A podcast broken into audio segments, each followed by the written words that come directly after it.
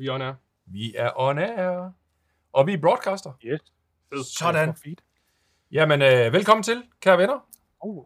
Jeg tror, du Vi sagt er det her, helt ikke til Henrik. Nå, ja, men jeg sidder bare lige og kigger ned i min skærm. Jeg skal da kigge herop for helvede. Her er, øh, undskyld, nu kommer jeg allerede til at gøre rookie mistake nummer et. Det er jo at sidde og bande på live-tv. Det er rigtig, rigtig dårlig stil. Rigtig hjertelig velkommen alle sammen. Øh, det er jo...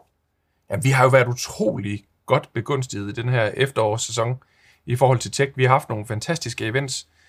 Og øh, nu kommer der noget i aften, som jeg tror på, at øh, i hvert fald minimum tre ud af tre øh, af, af os, der sidder og broadcaster live nu, synes er noget af det mest spændende af det hele.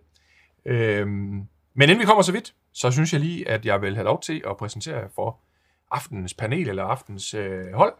Og øh, til denne her side, som jeg ikke lige kan gennemskue eller højre og venstre for jer, øh, men den flotte unge mand, der sidder der med sit flotte fuldskæg og briller. Han hedder Brille, og sige noget mere om dig selv. Brille, hvad er du for en fisk? Hej, jeg hedder Christian, også kaldt Brille, øh, og jeg øh, øh, elsker alt, der hedder tech, og så, i til særdeleshed øh, Apple. Mm. Og jeg glæder mig så sindssygt meget til, hvad vi skal i aften. Jeg har glædet mig til det her i årvis. Altså helt seriøst. Det, øh, det ved jeg, du har, du har næsten ikke snakket om andet, og nu bruger vi jo en hel del øh, timer sammen hver dag.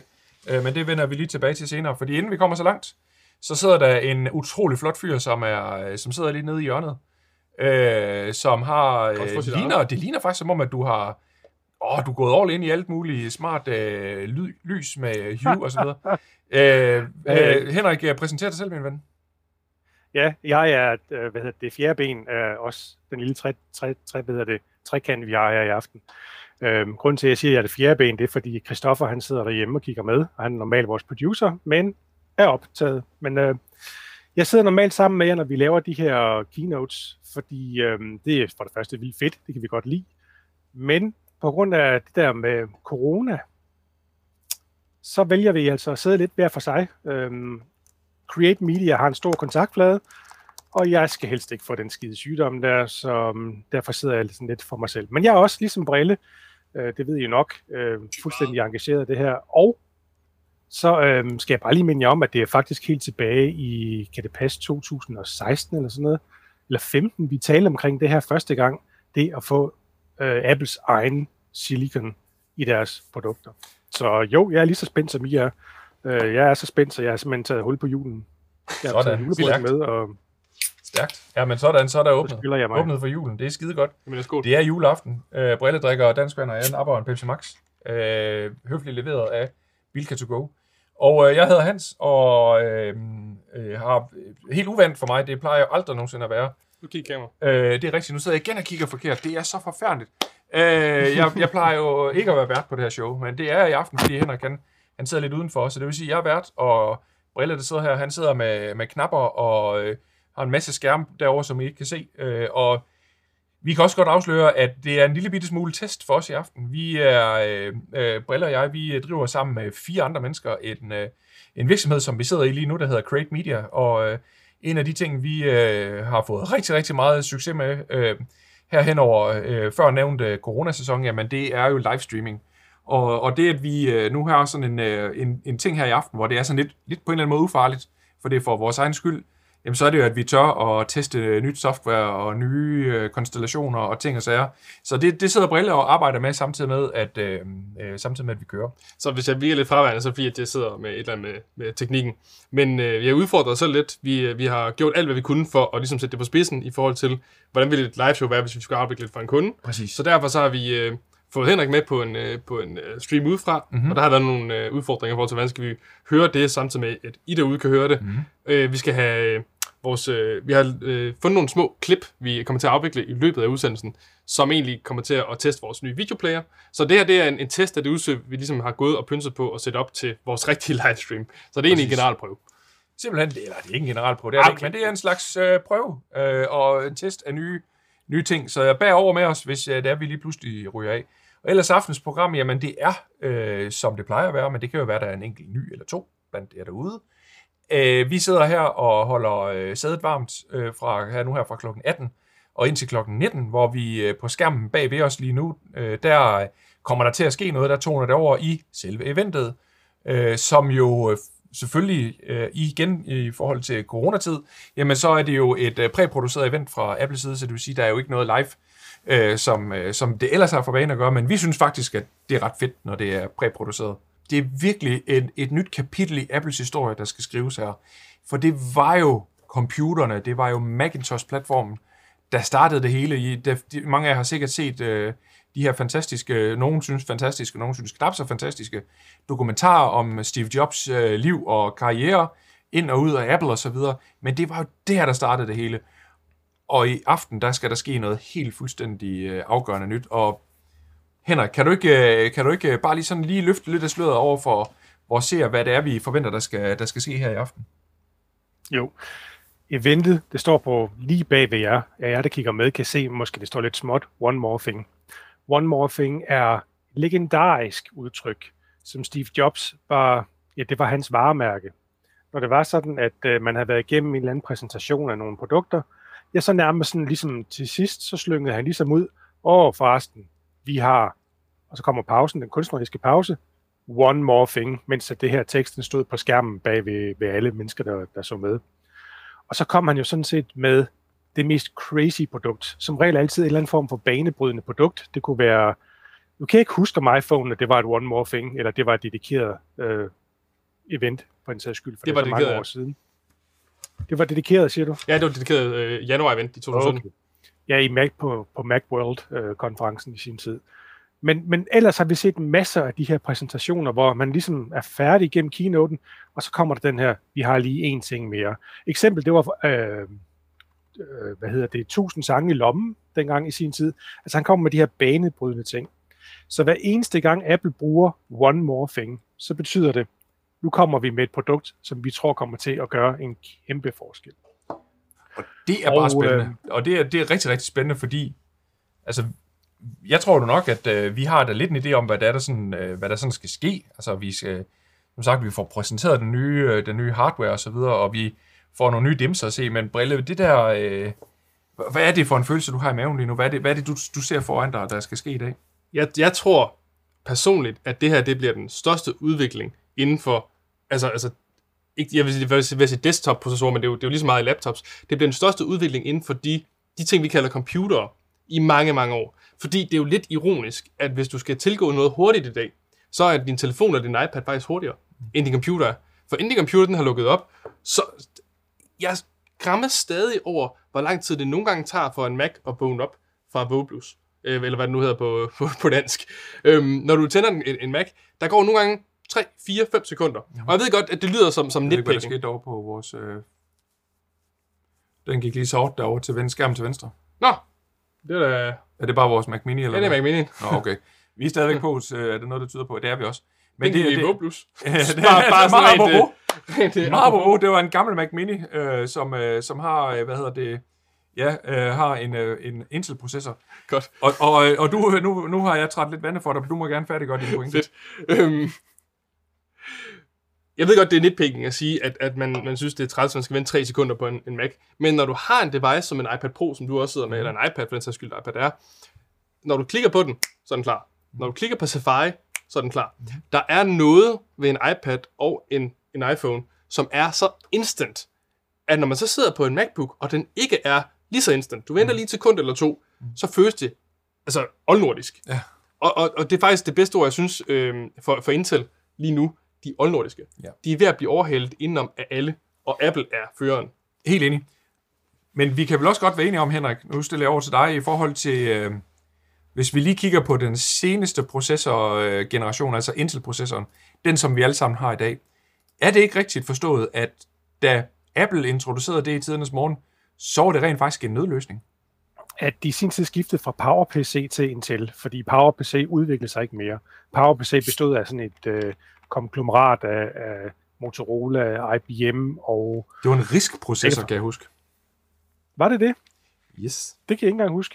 Det Nå, det men så nemlig. kommer vi nærmest fuld cirkel øhm, i aften. Øh, de kunne ikke komme videre med PowerPC. Man kæmpede hele tiden med det, der hedder power per watt. Det vil sige, altså, hvor meget strøm skal vi bruge for at levere en vis øh, processorkraft, hvis man kan sige det sådan, regnekraft. Og øh, det kunne de altså ikke optimere yderligere på PowerPC. Men Intel var bedre. Så Intel, øh, man lavede altså en kontrakt med Intel om, at de skulle levere chips til øh, Apples øh, Mac-computer fremadrettet.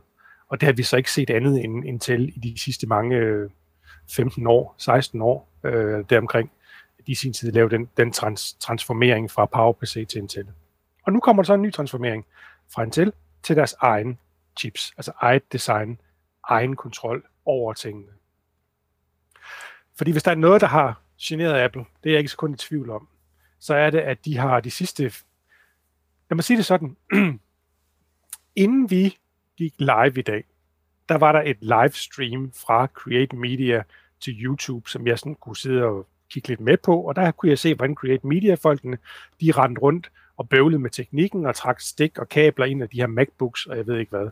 Og så kommer der en eller anden, som jeg ikke ved, hvem er, siger, jeg tror, det måske det var dig, Brille, MacBooks er ikke, hvad de har været. Aha, Og det har de ikke det været de sidste, Ja. ja. de sidste fire år, eller noget i den stil der. Øhm, og det er simpelthen fordi, Mac har ikke kunne, eller Apple har ikke kunne levere de MacBooks, de gerne ville, fordi Intel leverede ikke det, som Intel havde stillet Apple og hele verden for den sags skyld i vente. De kom ikke ned på den nanometer, som de havde sagt, de gerne ville ned på, og processerne var simpelthen ikke gode nok. Så Apple har hele tiden været på bagkant i forhold til Intel de sidste 4, 5, 6 år. Og øh, det, det passer nok meget godt med, at man i 2014 tog den strategiske beslutning og sagde, nu kan vi ikke vente på det her længere. Nu lancerer vi altså, nu arbejder vi intens på at lave den sidste del af fødekæden, som vi ikke har kontrol over i dag, nemlig CPU'en, den vil vi altså også have kontrol over. Ja, Præcis. Og hvis vi øh, lige øh, retter fokus fra den, det her vores lille walled garden, der hedder Apples økosystem, og går ud og kigger på, nu kigger jeg jo lige rundt her på vores kontor. Det er lidt pinligt, hva'? Ja, øh, vi har sådan et, øh, vi, vi har kon- kontor og studie, der sådan øh, går ud i et. Det er jo lige før, vi skulle have haft sådan et kamera 3, vi lige kunne have kamera 4, vi kunne have kørt rundt. Nevertheless, det har vi ikke. Men jeg ser, jeg ser øh, sorte kasser rundt omkring, og det er ikke Mac, øh, iMac Pro, kan jeg godt afsløre. Der er en masse sorte kasser rundt om, hvor der er øh, lys ind i, og en kæmpe, kæmpe stor køleprofil. Øh, Brille, hvad i himlens navn er det, der foregår i vores hus her? Man kan faktisk sige, at udover den lille kasse, som folk de kan se her på, øh, på feedet, så er der jo faktisk stort set ikke et Apple-produkt udenfor. De er alle sammen samlet her. Cirka. Ej, jeg har lige min, Der er iPad Pro jeg har derovre. min iPad Pro derovre. Ja, min men ellers så, så er der øh, stationær, stationær, stationær, stationær, stationær PC. Øhm, og det er der jo fordi, at vi bruger Premiere til at klippe vores videoer. Øhm, og det er bare meget mere, øh, hvis man lige laver en hurtig cost-benefit løsning på, jamen øh, skal man købe en, en Mac eller en PC, så er PC'en bare meget mere værd til prisen, plus at det er nemmere bare lige at skifte et grafikkort i en PC, eller lige opgradere til en ny Ryzen-processor, som lige er kommet osv. Ja, for det er jo egentlig det, jeg lige sad og fiskede lidt efter. Hvor mange Intel-processorer er der i de her? Nul. Præcis. Jeg gider ikke det der Intel-værk. Nej, det, det er der ikke nogen af, er det ikke nogen af jer, der gider. Nu er jeg jo... Og Simon, øh, min kollega Simon, der sidder over for mig, han er også øh, ren øh, Mac-bruger, men, øh, men hvad hedder det, øh, det... Det var jo i mange år Intel, der var bannerfører også mm. på Windows øh, på PC. Det var det. Og det er det ikke længere. Hvad, hvad, hvad, hvis du, Brille, Ja. sådan lige sporten kort på to sekunder, ja, to minutter, et minut, forklar, hvad pokker er det, der er sket med Ja. Intel på PC-markedet? Jamen det der, det der er sket, det er, at øhm, når man snakker om, om, nu snakker Henrik før om øh, performance per watt og så videre og så videre, det det jo egentlig handler om på, på PC-markedet, det er at lave en processor, som er vanvittigt effektiv i forhold til meget strøm den bruger. Øh, og det er både i forhold til computer øh, bærbar, sådan at de kan holde strøm til batteriet, men det er også i forhold til stationær, så de, kan, de bliver alt for varme. Du kan ikke lave en processor, der bliver 400 grader varm. Mm. Øhm, og det er ikke lykkedes Intel at udvikle nye processorer, der går ned under, når vi snakker i processor, snakker vi om nanometer, i forhold til, hvor store de her øh, chips, de, eller hvor, hvor, hvor små de forskellige pins, nu må du lige correct mig, Henrik, for du ved mere om det her, men i hvert fald i forhold til nanometerne, så, øh, så har Intel ikke været gode nok til at, at kan man sige, skrumpe dem ned til en størrelse, så de kan pakke flere øh, transistorer på deres processorer. Og af den årsag, de ligger stadig på, på det, der hedder 14 nanometer. Og jeg kan huske, at vi holdt, øh, at vi, vi så et Apple-event, hvor de kom med iPhone, var det 10S, som havde en 10 nanometer. Nu er vi nede på 7 og 5 nanometer for, for Apples nye processorer og for Ryzens nye 5000-serie. Og det er, jo, det er jo vanvittigt i forhold til, at Intel stadig sidder fast på faktisk den samme arkitekt- arkitektur, de har lavet de sidste 4-5 år, som de bare har opdateret. Og det er jo interessant set i lyset af, at det er jo, det er jo en kæmpe organisation. De har, øh, de har skovlet penge hjem øh, fra, fra markedet, altså i form af, af den ene børsudvidelse øh, øh efter den anden, og, og de har haft øh, kunder i Dell, i Lenovo, og, og de leverer stadigvæk, selvfølgelig, og det skal vi måske også lives på i det her. Rigtig, rigtig mange af de PC'er, der bliver leveret i dag, er jo med en Intel-processor. Det er det stadig. Øh, fordi det er øh, de der faste leverancer. Men det er sjovt, at de ikke bruger det der cash cow til at generere ny teknologi, altså prøve at man sige, forbedre den, den eksisterende platform. Men det er bare gået, det er bare gået helt i stå. Men, men der er faktisk rigtig mange, som, eller det, det jeg skulle sige, det er, der er ikke særlig mange faktisk, der er lojale mod Intel. Fordi når vi snakker PC-markedet, mm. så går det rigtig stærkt. Sidste år kom den første generation af Ryzen, som virkelig kunne konkurrere med Intel. Og da den nye blev annonceret, der blev det også annonceret, at Ryzen har nu op til 25% af gamingmarkedet. Så det går stærkt. Ja. Det går rigtig stærkt, med for at de bare siger, godt, vi tager det der bedste prisen. Og nu Jamen, Jamen, hvorfor bliver det skulle lidt man også være spændende. lojal, Brille? Altså, hvorfor skulle man være lojal? Men det, det er vi, jo, vi er jo rigtig meget over for Apple. Jamen, det er vi, men, men altså, man kan sige, at du, at du har en chip, der hedder Per eller, eller Oscar inde i din PC, og det er du jo i bund og grund ligeglad med, bare den kan performe. Det, det kan, kan være helt enige om. Lige præcis. Så Men, der, men nej, vi, er, tror- vi, er i en, vi er i en ny liga, vi, der, er- og der er sket noget, og det er jo hele det her øh, computerchip, øh, altså hele den her udvikling øh, fra, fra processorteknologien, det er jo, som vi nu har dannet sig en lille smule rundt om, det er jo dybest set ikke paradoxalt nok for, inden for computerverden, altså om det er laptops eller det er stationære computer, det er ikke der udviklingen er sket. Det er nemlig i nogle helt andre øh, devices. Det er jo vores iPhones eller vores smartphones, og det er øh, peger over, jeg burde næsten have over øh, min øh, iPad Pro. Altså det er iPad-platformen, og som Brille han også talte om tidligere, den der glæde ved, at når man trykker på, man tænder sin, øh, sin øh, iPad instantly on, og den kan holde strøm i lang tid. Nu kan jeg så sige, at jeg har en iPad Pro, som har det her tastatur, og det er sjovt nok, når tastaturet er på, så holder den ikke strøm så lang tid, men når det er, jeg bare har pillet den ud, og bruger den til, som jeg gør i weekenderne, når der er derhjemme, øh, sidder og ser øh, Apple TV Plus, eller øh, whatever jeg ser på, så, øh, hvad hedder det, øh, så, øh, så holder den strøm rigtig, rigtig længe. Men det er, øh, det er en, øh, en, det er sjovt, det er de her lomme-devices, der har, der har drevet udviklingen, og det gør jo, at ja, de er sgu foran nu. Det, det, er jo, det er jo lige præcis det. De er måske ikke foran i forhold til rå performance, hvis du tager en stationær og bare plukker den til strøm. Men i forhold til performance for, per watt, så er det jo helt sindssygt. Præcis. Så det er, øh, det bliver rigtig, rigtig spændende, fordi vi har jo bare set, øh, hvad, Prøv at tænke på, hvad, hvad sådan en her lille device kan, uden at blive den mindst smule... Altså, den bliver ikke engang lunken. de første, vi kan huske de første generationer af iPhone, øh, de de der plastikmodeller, den 3G og så videre, de kunne bare blive varme, ja. når man brugte dem til noget. Så, øh, men vi har også lidt, øh, vi har lidt, øh, heldigvis har vi nogle skønne, dejlige øh, seere, øh, som sidder og stiller de spørgsmål. Og det kan jeg ikke så nemt følge med i, så øh, Brille, vil du øh, lige kigge, om der er kommet nogle spørgsmål eller noget, vi skal, vi skal tage op? Vi har et spørgsmål fra Mads Filum, øh, og, og for mig er det lidt uh, todelt spørgsmål, for jeg vil gerne lige segway den over til noget andet. Øh, men Mads Filum spørger, øh, hvordan performer AMD med virtualisering? Og mit tilhørende spørgsmål er selvfølgelig, hvorfor er det vigtigt med vi- virtualisering i forhold til Apple Silicon? Og jeg tænker, det er Henrik, der kan svare på det. Ja, altså Mads, du ved jo udmærket godt, hvordan AMD performer med virtualisering. Fordi Mads er selvbygger af diverse PC'er. Jeg ved ikke, om du har en præference. Øh, Hvis jeg ikke tager meget fejl, så er det Mads, der er, har elsket at bygge PC'er. Øh, også nede i, i sin tid nede i Kjens kælder var med til at bygge PC'er. Er det Jeg ikke vil til at korrekt? bygge øh, stationæren. Det er det nemlig. Ja, stationær, ja. Så jeg tror, du har en rimelig forståelse for med hensyn til om, om AMD og virtualisering. Øhm, virtualisering er vigtigt, fordi øh, og det, i dag er der rigtig, rigtig meget, som foregår ikke på din lokale computer, men som for, foregår på et eller andet, der vi kalder skyen. Og skyen er jo ikke et eller andet magisk, hvor Jesus han sidder, eller Allah, eller hvem det nu er, der sidder deroppe og kigger ned på os. Skyen er bare en anden persons computer, som man siger. There is no cloud, it's just another person's computer. Ja. Så der står nogle server et eller andet sted i forskellige dele af verden, og de, dem bruger vi hele tiden, os alle sammen. Øh, Om du så går ind i din Facebook-app, eller du går på Twitter, eller du går på Danmarks Radios øh, streamingstjenester, eller hvad end du bruger, så har du forbindelse til en eller anden server et eller andet sted. Og i gamle dage, der var sådan en server, det var sådan en fysisk kasse, ligesom de sorte kasser, Hans talte om tidligere, der står henne på gulvet i Create Media. Altså noget fysisk, der skulle sættes op og konfigureres, og så havde man sådan en kasse, der gjorde én ting. Sådan er det ikke mere. I dag, der har man en masse hardware, og så har man virtualisering på tværs af de her kasser.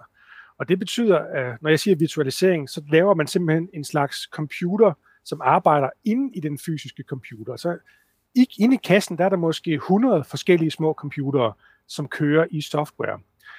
Processoren skal så fordele arbejdskraften mellem softwaren og den rigtige hardware, som om det kun var én kasse. Og det er det, man kalder for en virtuel computer. Se, nu spørger Twilum så om, hvordan AMD performer virtualisering. Så vidt jeg er informeret, så performer AMD ganske udmærket med virtualisering. De har både en serverarkitektur, og så har de en klientarkitektur, som man vil kalde det. Jeg har nogle server, som også ligger ude i skyen. Det er ikke fysiske server. De kører på AMD-processorer. Epic, tror jeg, de hedder. Øh, dem, der kører ude i skyen. Ja. Og øh, det performer fremragende. Det I ser lige nu, hvor jeg er nede i det ene lille bitte hjørne. Hvis I kigger det ene hjørne og kigger rigtig godt efter, så kan I se, så står der Jitsi i det ene hjørne. Og Jitsi, det er en open source løsning til ligesom Skype eller Zoom eller Teams, eller hvad I nu kender, fordi I er også blevet ramt af corona, mange af jer, og skal sidde og arbejde hjemmefra. Og det betyder, at vi har en virtuel server stående et andet sted i verden, som vi kommunikerer med direkte en til en med kryptering imellem. Og det kan kun lade sig gøre på grund af virtualisering. Og den virtualisering arbejder med AMD. Så Mads, jeg tror faktisk ikke, at AMD er et problem i forhold til virtualisering. Og virtualisering er vigtig, fordi alt er efterhånden virtuelt. Så for at tage Segwayen, som, hvad hedder det, øh, som, øh, som Brille talte om, ja, så, sker der jo også, så skal der jo ske noget nu her på Apples platform, fordi de går fra en Intel-baseret virkelighed, hvor din computer var alt softwaren snakkede sammen med den her Intel-processor. Nu skal alt softwaren til at tale sammen med en processor, som vi ikke kender endnu. Jo, vi kender den nogenlunde. Vi forventer, at den er lidt ligesom det, der ligger i vores iPhone og i vores iPad. Men softwaren skal tale sammen på en anden måde med den her nye processor. Og det betyder altså, at den eksisterende software, som er skrevet til Intel-processorerne, de skal pludselig til at tale med en ny arkitektur. Hvad gør man så for at løse det problem? Man skyder et lag af virtualisering ind imellem, således at softwaren, der egentlig var skrevet til at kunne køre på Intels arkitektur, nu kan køre på øh, den nye arkitektur, som vi jo som sagt ikke kender endnu, men som kender om sådan cirka en halv time, gætter jeg mig, gætter jeg mig til. Så virtualisering er hammerne vigtig. Man skal kunne køre en computer i software, som var den bygget i hardware nu om dagen. Og det, det vil jo rent lavpraktisk sige, at øhm, hvis du køber en ny MacBook, øh, om, om, altså, om det er om en uge eller om en måned eller to, øh, hvornår du kan få den med Apple Silicon, jamen så alle de gamle programmer, som du kører på din nuværende Mac, skulle du gerne kunne køre på den nye Mac. Enten hvis de er blevet opdateret til Apple Silicon, eller hvis øh, den bliver simpelthen virtualiseret, som Henrik lige har forklaret, øh, som en gammel Mac-app. Og det er vi lidt spændte på, hvor, hvor smooth det kommer til at køre, fordi historien viser sig jo, at Apple var jo super dygtige til at gå fra PowerPC til Intel hvor de virkelig havde styr på deres virtualisering. Og det her Rosetta-lag, som det hed, det eksisterede jo i, i 5-7 år frem, og, frem efter, og kunne stadig, jeg kan huske, i 2010, da jeg fik min MacBook Pro, mm. kunne jeg afvikle Diablo 2, som var et spil fra 2001 eller sådan noget, mm. på min Mac i mm. virtualisering, og det kørte fantastisk. Og det er jo, det er jo ret vildt. Jamen, det er, øh, det er fuldstændig rigtigt. Det, det, der, er virkelig, der er virkelig noget her, der, som Apple de virkelig skal være fokuseret på i forhold til netop at få markedet med. Øh, og øh, både i forhold til at kunne holde hele udvikler-communityet, øh, øh, have dem til at fortsætte have troen på, at, øh, at de godt kan lave den her smooth transition fra deres nuværende kodebase over i det nye. Øh, og det, det, det, bliver, det bliver rigtig spændende, og jeg er sikker på også, at nu har vi slet ikke snakket ret meget om Big Sur i dag. Øh, vi har snakket meget om hardware, men, men Big, Big Sur, som vi jo også fik introduceret til WWDC, øh, forventer vi jo i dag bliver selvfølgelig annonceret øh, til at gå øh, stable, og øh, jeg er sikker på, at der er nogle øh, spændende ting, og, der, og de har arbejdet mere med det siden WWDC, som jeg tror på, at øh, når, vi, øh, når vi er færdige med at kigge her i aften, så sidder vi simpelthen bare og tænker, holy fuck, det her, det, det, bliver, det, bliver, det, bliver, det bliver rigtig vildt, fordi det er jo både, det er både de muligheder, som, øh, som det her med, at man ikke skal køle så kraftigt, men det er også hele, øh, det her, også hele performance-delen, som, øh, som er, er, er rigtig, rigtig spændende. Og det, øh, de løftede en lille bit smule sløret til, til WWDC på, øh, øh, på hele performance-delen. Der er, nogle, øh, der er nogle muligheder i det her, øh, som vil... Og det er det, der bliver rigtig, rigtig spændende, det er, hvor, hvor, hvor meget ekstra hvor meget ekstra guf har Apple med i forhold til øh, og, og for at distancere sig fra Intel-platformen allerede fra starten. Ja. Er det sådan noget med, at vi skal sidde og i går så en vente på, at vi kommer op til speed, som du også talte om, øh, fordi vi, vi snakker meget om, hvad er det, det gjorde vi også i, i forlængelse af WWDC, er det prof-segmentet, der kommer først, eller er det consumer-segmentet? Ja. Øh, og øh, og nu, nu går rygterne jo på, at der kommer lidt forskellige øh, Mac-hardware, det kan vi lige vende tilbage til. Men, men, øh, men det kan lidt af hvert, øh, det her. Og jeg tror på, hvis I spørger mig, nu spørger jeg mig selv, Hans, hvad synes du? Øh, Hans, jeg synes, at, øh, at øh, det her det virker så interessant og så spændende, og de har haft de her års forspring. Dog er det jo selvfølgelig noget andet at udvikle på en øh, macOS-platform end en iOS-platform, men, men de har haft fingrene i dejen i så mange år. Så jeg tror på, at det, er- det er måske ikke lige sikkert, at vi får det helt store profgear i aften at se, men der var ikke længe. Så sidder I, øh, der, på, der sidder på de sorte bokser rundt omkring, hungrer efter at få en Mac øh, igen, øh, for øh, at kunne, kunne afvikle, blandt andet på grund af de her performance-ting. Ja. Og det kommer vi også øh, tilbage til. Vi har også senere i, i, i dag har vi et lille klip med, hvor også for WWDC, hvor vi kan se, hvordan øh, dog på øh, Apples eget øh, øh, filmredigerings, øh, videoredigeringsværktøj Final Cut Pro, men hvordan det bare kører fuldstændig buttery smooth, altså på en lille, relativt billig, ja, så vidt jeg husker, så var det egentlig bare kørt på en Mac Mini, der, Og- som var deres øh, developer kit til en start. Og det skulle jeg lige så sige, at, øh, at lige præcis det, det fede ved Apple Silicon, det er jo, at de har jo alt på en mikrochip.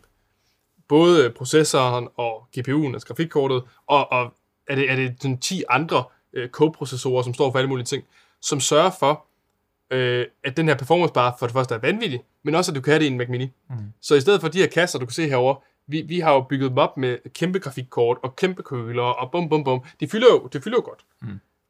Fremover kan du bare sidde med, med, med noget, der ligner en lille snollet madkasse, og, og, og seriøst afvikle 8K-video med flere spor. Det er, jo, det er jo vanvittigt at tænke på. Ja, altså der vil jeg lige sige, de viste jo til WWDC allerede, hvordan de på den ikke, det, det vi ikke kommer til at se i aften, men på udviklermaskinen, som de gjorde til, til rådighed for ud- udviklerne, man kunne købe sig ind i, øhm, der viste de allerede tilbage i juni måned, eller var det juli, det er også ligegyldigt, Og tilbage i Øhm, sommer. Ja. hvor, hvordan den overperformede på dobbelt gange 4K. Og Og der jeg det sige- er en chip, der er i en iPad. Ja. Øhm, Præcis. det er så så vi, vi, har høje, vi har høje forventninger. Skal vi bare sige Det må, sådan? det må man sige. Men øh, nu har jeg i hvert fald øh, nu har vi lige blevet genopfrisket på, hvad det er, vi sådan... Og igen, husk nu bare på, kære venner, det, I har set her, det er noget, der er blevet afviklet på sådan en lille bitte øh, skodmadkasse, en, øh, som var den her developer-computer, som man kunne... Henrik, hvordan var det? Kunne man købe dem, eller kunne man øh, øh, få dem lånt ud, eller hvordan var det? Altså hele det her øh, developer-kit. Kan du ikke lige fortælle lidt om øh, developer-kittet? Jo, Du kunne søge om at komme med i transformerings, eller få, lov, få adgang til sådan en transformeringskit. Du skulle smide et depositum. Jeg kan faktisk ikke huske, om man fik penge tilbage igen, eller det bare var, hvad skulle betale for kasse 1, øh, på 500 dollars.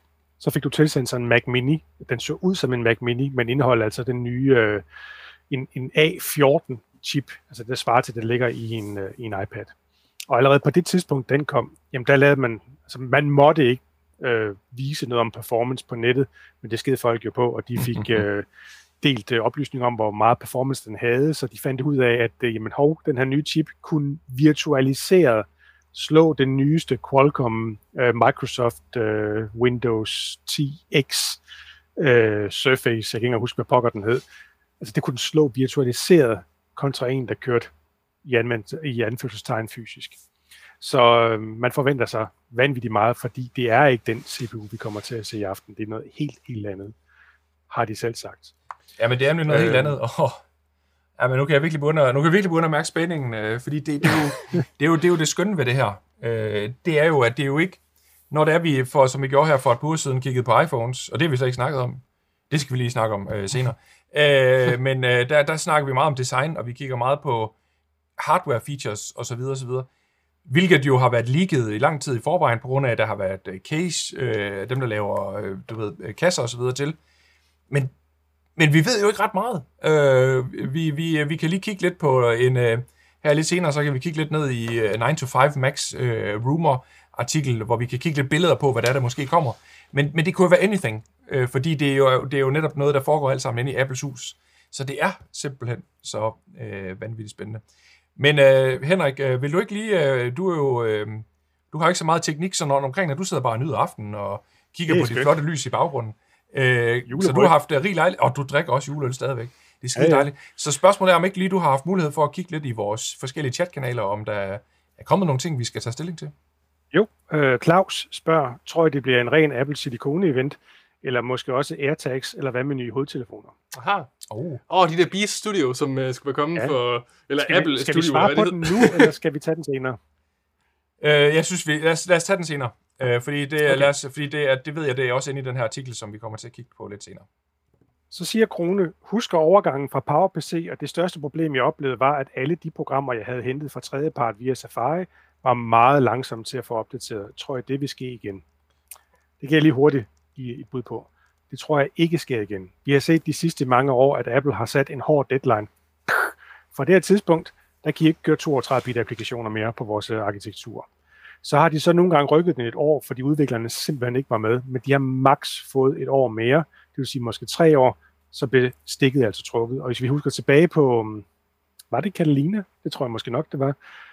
Den var ren 64-bit. Vi har fået varslerne. Det var faktisk et eksempel på, hvordan de havde gået fra to til tre år. Dem havde vi fået tre år forinden. Der fik udviklerne maks først to år, sidenhen tre år, til at få opdateret deres software til 64-bit, og der kan ikke køre 32-bit på Catalina. Så når Apple de siger, at der går to år til, at vi har transformeret fra øhm, fra, hvad hedder det, øh, Intel til Apple Silicon, så vil de formentlig også lægge et eller andet deadline ned over udviklerne. Og det gør de ved at stoppe det. Man får ikke mulighed for at deploye softwaren inden i det, der hedder Xcode øh, til App Store'en øh, efter en given periode. Dermed ikke sagt, at softwaren ikke kan køre, fordi der vil være en længere periode, hvor Intel stadigvæk supporteres på macOS. Men jeg tror, at den her gang skal vi ikke regne med, at der går 8 år eller sådan noget, før at, øh, at transformeringen den er færdig med hensyn til tredjepartsudviklerne. Og så er det jo også sådan en dag, at øh, Apple er et andet sted, end de var dengang. Altså Apple er en noget større spiller på alle fronter, end de var i, i PowerPC indtil tiden. Så der er langt flere udviklere, der er langt mere fokus fra, for os, for consumerne, på, at nu skal vi altså have noget software, der kører på vores nye maskiner. Ja, Der er fuldstændig. langt mere pres på udviklerne, både fra Apple og fra brugerne. Og så er der bare flere penge i kassen. Altså, dengang, at øh, man skiftede fra de her gamle RISC øh, Motorola øh, PowerPC-processorer over på Intel-platformen, der var øh, Apple også i, øh, finansielt i, på vej i knæ. Øh, øh, og der er vi bare lige et andet sted i dag. Så det vil sige, at der er noget mere muscle power at lave teknologisk udvikling på. Der, der er de penge, der skal til for at ansætte de dygtigste folk, både på software og på hardware. Og det udnytter de. Og hvis ikke de skal gøre det nu, så lige om lidt, så er det for sent. For det er netop nu, at Apple de skal skifte gear Ja. og sige, at de kan styre hele forsyningskæden selv. Øh, I hvert fald øh, af de væsentlige komponenter, så er det selvfølgelig sådan noget som, øh, øh, som displays og så videre. Det får de stadig ikke tredjeparts fra, for det kan være i den sammenhæng lidt ligegyldigt. Men, men de væsentlige nøglekomponenter, der er de selvforsynende lige om lidt. Og det, det er ret stærkt. Og, og lige præcis der, i forhold til at være selvforsynende, fordi øh, der er jo lige kommet sådan en iPhone med en 5G-chip. Mm. Og den er, det er jo ikke design indtil videre. Det er rygtes der, det bliver det næste gang. Men lige nu er det jo, jeg tror det er en Qualcomm, der sidder i. Øhm, jeg tænkte på, dengang jeg sad og så iPhone-eventet, og de efterfølgende memes, der blev lavet, hvor de lavede sange med 5G, 5G, 5G, hvor mange gange det blev nævnt i løbet af det event. Hvorfor er det i dag, apropos det vi snakkede om før, at vores computer faktisk er lidt oldnordiske i forhold til dem her. Hvorfor er det i dag, at hvis jeg tager ud til, jeg siger til et kundemøde, mm. har min computer med, så skal jeg spørge om et wifi. Ja. Og hvis ikke de lige har et, et wifi, man lige kan logge på, og man skal bruge en voucher og alt muligt, de skal ned i receptionen for at finde, mm. så siger jeg, at jeg logger bare lige på min internetdeling på min telefon. Mm-hmm. Så prøver jeg at klikke på den, den siger could not connect, jeg prøver igen, den siger could not connect. det er og inden jeg er færdig, så er kaffen kold, og kunden er væk. Ja. Øhm, hvorfor er det, at vi ikke har 5G, eller 4G for den sags skyld, MacBook Pro'er? Ja. Øh, Jeg, jeg mener helt klart også, at der, der, vil være et, øh, der vil være et marked til det. Men øh, jeg ved ikke, Henrik, du, øh, har, du, øh, har du et godt bud på, hvorfor det er, at, øh, at de sådan behendigt har smidt sig udenom den her LTE-teknologi i, øh, i, øh, i øh, MacBooks? Hvis jeg skal komme med et teknologisk årsag til det, så vil jeg sige, så er det et spørgsmål om batteritid. altså sådan en, en, jeg vil lige kalde en GSM, men sådan en, en antenne der, den suger en del strøm, når den skal forbinde til de der netværk der. Men øh, det er den eneste forklaring, fordi altså, Men- PC'er har kommet med, med SIM-kort og alt muligt andet i overvis. Så jeg kan ikke give nogen logisk forklaring til, hvorfor man skulle ikke have gjort det. Men så vil jeg så Men sige, Apple- at det, der, der er der så den der nye ting, som hedder Smart Data Mode i den nye iPhone. Smart date mode. Data Smart, mode. Da, data.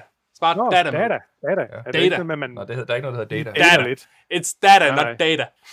Ja, ja, det fik de jo meget, altså der blev talt meget om på iPhone-eventen her med øh, 5G. Øh, nævnte de 5G nogle gange, det tror jeg nok, de Ej, gjorde. Gjorde det ikke det? Var det ikke sådan? Nå, nå. Mm. Det er meget muligt, at de kommer ud og siger, hey guys, nu, øh, nu øh, kan vi altså tilbyde et øh, wifi, ikke et wifi, et øh, 5G-netværk i de her laptops. Men det er ikke sikkert, fordi de, det er ikke sikkert, at de er færdige med deres modems. Altså Apple købte jo for nogle år siden, købte de Intels modem-division, deres afdeling. Indtil nu, og det er der også i den nye iPhone 12 Pro, der bruger de Qualcomms, øh, øh, hvad hedder det, øh, øh, Modem. mobil modem deri. Og for år tilbage var de i en retssag med Qualcomm, hvor de ikke, Qualcomm mente ikke, at de leverede op til øh, deres hvad hedder, forpligtelser med hensyn til aftalen, og det endte med, at de tabte den her retssag og skulle betale Qualcomm 1 eller 2 milliarder. Jeg kan ikke 100% huske beløbet, men i hvert fald forpligtede de sig til i en årrække stadigvæk at skulle købe de her chips fra Qualcomm, og Apple mente, at Qualcomm de overfakturerede øh, hvad hedder det, prisen for de her modems.